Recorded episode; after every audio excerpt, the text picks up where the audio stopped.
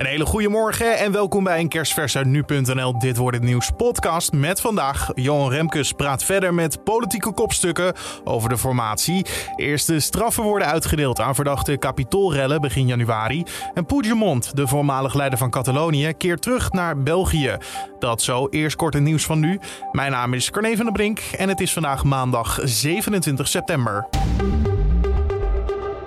De SPD heeft de parlementsverkiezingen in Duitsland gewonnen. De centrum-linkse partij was goed voor bijna 26% van de stemmen. Daarmee bleven ze de huidige regeringspartij CDU-CSU nipt voor. Schulz van de SPD zei blij te zijn dat veel mensen hem als de nieuwe bondskanselier zien. Dat es een Wechsel in de Regierung gibt und auch weil sie wollen, dass der nächste Kanzler dieses Landes Olaf Scholz heißt. Opvallend is dat er ook veel gestemd is op kleinere partijen, waardoor de onderhandelingen om een coalitie te vormen waarschijnlijk lang gaan duren. De opkomst bij de verkiezingen was iets hoger dan vier jaar geleden. Het aantal moorden in Nederland is iets afgenomen. Vorig jaar kwamen in Nederland 121 mensen om het leven door moord of doodslag. Dat zijn er vier minder dan in 2019. Het gaat dan het meest om mannen die om het leven komen, blijkt uit cijfers van het CBS. Opvallend is dat het aantal slachtoffers onder jongeren wel is toegenomen. Deze toename is alleen bij jongens te zien. Verder daalt het aantal slachtoffers in Nederland al jaren. Ons land behoort zelfs tot de landen waar relatief weinig moorden worden gepleegd. De burgemeesters van het Veiligheidsberaad zijn positief over de controles van het coronabewijs. Volgens hen werken de meeste ondernemers graag mee aan de naleving van het coronatoegangsbewijs. Sinds zaterdag is het namelijk verplicht om een QR-code te laten zien bij bezoek aan horeca, theater of festival. Wel zagen de burgemeesters dat het rond middernacht, toen alle horecazaken tegelijk dicht moesten, erg druk was in bepaalde gebieden. Ook leidde een overbelaste corona-check-app tot problemen. En een wereldwijd vaccinatiebenefiet brengt zo'n 800 miljoen dollar op. Meer dan 60 artiesten traden dit weekend op op verschillende plekken over de wereld. Om zo aandacht te vragen voor klimaatverandering, hongersnood en gelijke verdeling van vaccinaties. Naast het bedrag wat erop gehaald is, hebben verschillende landen ook toegezegd meer vaccins vrij te maken voor anderen. Het evenement werd zaterdagavond afgetrapt in Parijs door Elton John. Hij trad op voor de Eiffeltoren.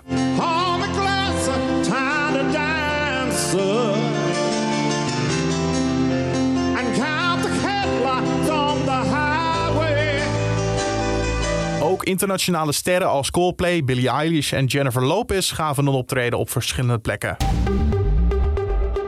En dan de agenda voor vandaag, oftewel dit wordt het nieuws. VVD, D66 en CDA gaan weer om de tafel zitten met informateur Johan Remkes. Er leek de afgelopen dagen nog weinig te gebeuren in de formatie, tot Sigrid Kaag gisteren plots opriep toch met de ChristenUnie te willen praten.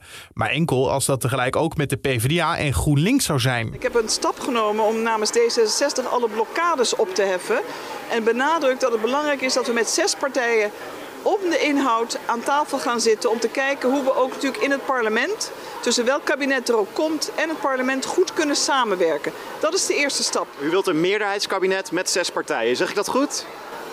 Weet u, ik ga niet vooruitlopen op de uitkomst. Maar wat ons betreft heeft de, voor, de afgelopen week laten zien hoe moeilijk het kan zijn uh, om vanuit een minderheidskabinet de grote maatschappelijke opdrachten om die goed te regelen. De opdracht van Remkes is momenteel nog kijken of er een minderheidskabinet mogelijk is. Inmiddels duurt de formatie al zo'n zes maanden.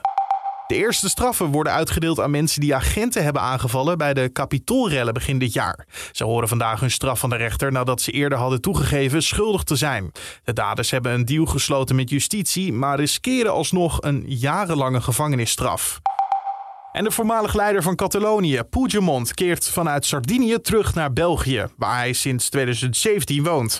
Puigdemont werd onlangs aangehouden op Sardinië. De Spaanse autoriteiten willen hem vervolgen voor zijn rol in de poging om Catalonië onafhankelijk te maken van Spanje.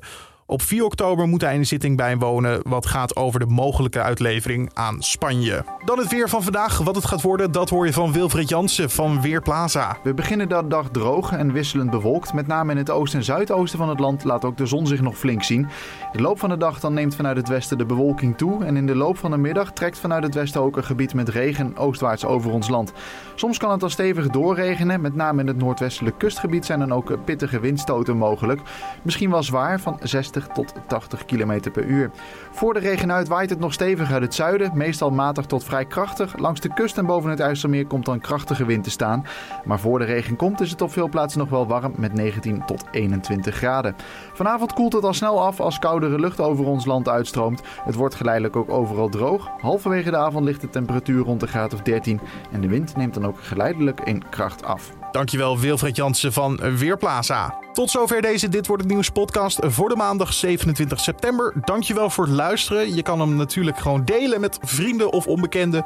En ook kan je een recensie achterlaten bij Apple Podcast. Zo help je namelijk hem weer makkelijker te vinden voor anderen. Dus als je dat doet, help je ons enorm. Dankjewel alvast. Mijn naam is Carne van der Brink. Een hele mooie dag vandaag. En tot de volgende.